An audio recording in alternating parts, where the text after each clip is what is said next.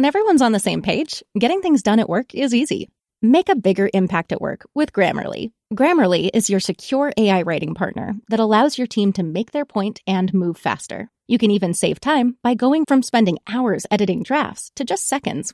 Join the 96% of Grammarly users that say it helps them craft more impactful writing. Sign up and download Grammarly for free at grammarly.com slash podcast. That's grammarly.com slash podcast.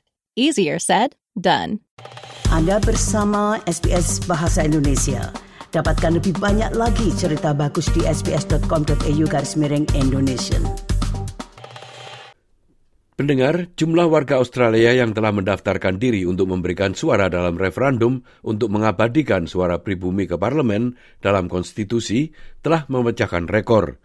Jumlah warga bangsa pertama yang masuk daftar juga mencapai rekor tertinggi. Namun masih ada kesenjangan antara pendaftaran penduduk pribumi dan non-pribumi Australia.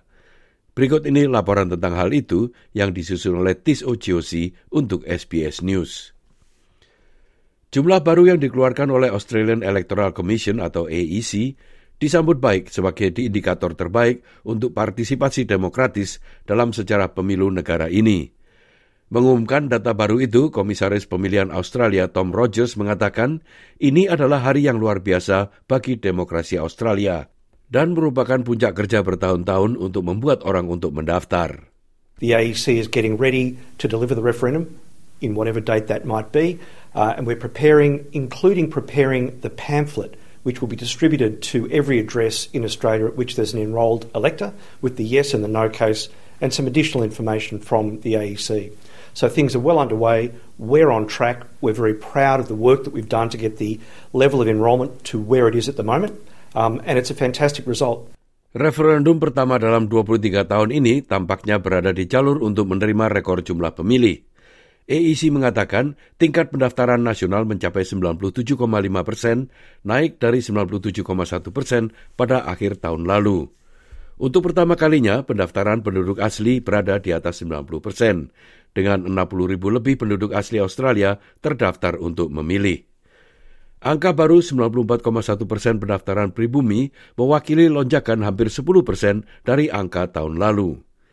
Northern Territory yang biasanya tertinggal sekarang memiliki 92 persen pendaftaran yang merupakan pertama kalinya melewati angka 90 persen.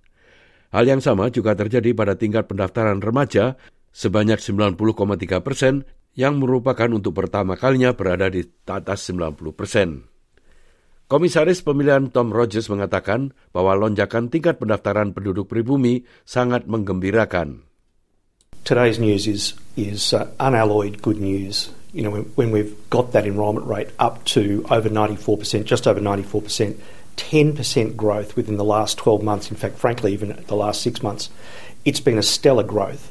Uh, it's one of those measures that really the gap is closing on that. We're very proud of the work we've done. Dr. Jill Shepard dari University National Australia atau ANU mengatakan Angka-angka itu merupakan bukti kerja yang dilakukan oleh Komisi Pemilihan Umum. In terms of those core demographics, and we're talking here young voters and particularly Indigenous voters, these are unprecedented by 10 percentage points and more. Um, I, I, think most observers are genuinely shocked today at how well the Commission has done to engage a lot of these potential voters.